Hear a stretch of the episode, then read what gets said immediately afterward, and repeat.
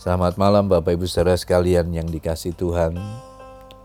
Malam hari ini kita mengucap syukur kepada Tuhan yang sepanjang hari ini sudah menyertai dan memberkati kita dalam keluarga maupun di dalam pekerjaan kita.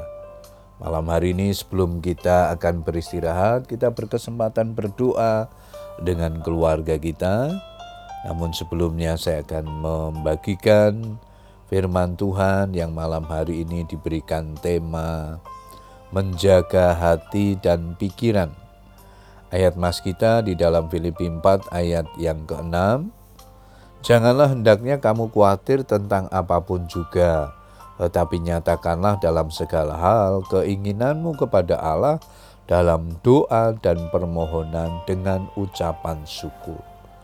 Rasul Paulus menasihati jemaat di Filipi agar mereka selalu menjaga pikiran. Sebab pikiran adalah medan peperangan yang sesungguhnya. Amsal 23 ayat yang ketujuh di sana dikatakan, sebagaimana dia berpikir dalam hatinya, demikianlah dia. Jadi pikiran kita akan membentuk kehidupan kita. Pikiran memimpin seluruh tindakan kita. Tindakan kita adalah refleksi dari pikiran kita. Karena itu kita harus menjaga pikiran sedemikian rupa agar tetap berisikan hal-hal yang benar dan positif. Salah satu ciri orang yang berpikir positif adalah tetap bersuka cita di dalam segala keadaan. Bersukacitalah senantiasa dalam Tuhan. Sekali lagi kukatakan bersukacitalah. Bersukacita bukanlah sekedar saran atau himbauan, melainkan suatu perintah dan kehendak Tuhan. Sekalipun hari-hari yang sedang kita jalani terasa berat, kita diajar untuk tetap berpikiran positif dan membuang semua yang negatif. Perasaan khawatir, takut, ragu, bimbang, cemas, dan sebagainya. Inilah kunci untuk memiliki pikiran yang positif. Jadi akhirnya saudara-saudara, semua yang benar, semua yang mulia, semua yang adil, semua yang suci, semua yang manis, semua yang sedap didengar, semua yang disebut kebajikan dan patut dipuji. Pikirkanlah semuanya itu.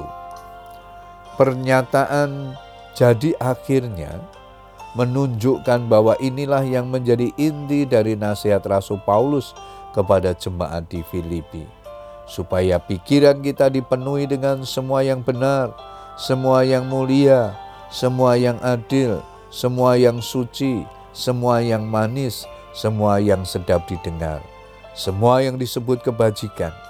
Kita harus senantiasa bersekutu dengan Tuhan dan merenungkan firman-Nya setiap hari. Bapak Ibu Saudara sekalian yang dikasih Tuhan, ada tertulis di mana ada kebenaran, di situ akan tumbuh damai sejahtera dan akibat kebenaran ialah ketenangan dan ketentraman untuk selama-lamanya. Yesaya 32 ayat yang ke-17. Kalau kita hidup dalam kebenaran, Kristus akan memiliki, memberikan damai sejahtera yang melampaui segala akal, yang akan memelihara hati dan pikiran kita. Hati dan pikiran yang terpelihara di dalam Kristuslah yang memampukan kita untuk terus berpikir positif di dalam segala keadaan yang terjadi dalam hidup kita. Puji Tuhan, ialah firman Tuhan yang kita renungkan pada malam hari ini menolong kita untuk memikirkan hal-hal yang benar, yang positif sesuai dengan firman Tuhan. Sehingga kita tidak terjebak di dalam pikiran-pikiran negatif, tetapi terus menyerahkan kehidupan kita kepada Tuhan, belajar untuk percaya bahwa dalam segala situasi yang kita hadapi, Tuhan ada, Tuhan hadir dan menyertai kita. Selamat berdoa dengan keluarga kita. Tuhan Yesus memberkati. Amin.